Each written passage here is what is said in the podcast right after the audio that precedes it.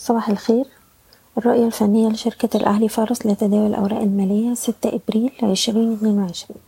امبارح المؤشر تراجع بأحجام تداول منخفضة تأثر بالتراجعات بتاعة التجاري بسبب القبول. التراجعات لحد دلوقتي مفيهاش مشكلة طول ما إحنا محافظين على مستوى الدعم بتاعنا حداشر ألف ومية وده مستوى حماية الأرباح على الأجل القصير. لطول ما إحنا محافظين عليه هنشوف استمرار لمحاولات الصعود وهيبقى عندنا أقرب مقاومة عند حداشر ألف ستمية وخمسين.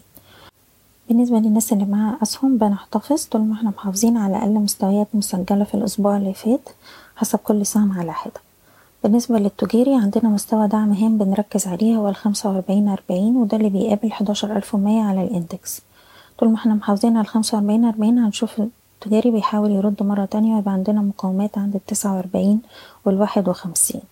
طبعا حداشر ألف ومية في الإندكس والخمسة وأربعين أربعين في التجاري. دي مستويات مهمة جدا بنركز عليها لأن كسرتها الأسفل معناه كده إن الضغوط البيعية رجعت تاني.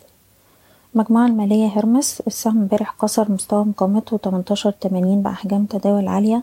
شايفين السهم بيستهدف مستويات العشرين ونص والواحد وعشرين وأقرب مستوى دعم عند التمنتاشر جنيه. القبضة الكويتية دولار امبارح السهم كسر مستوى دعم رئيسي عند الدولار تلاتين.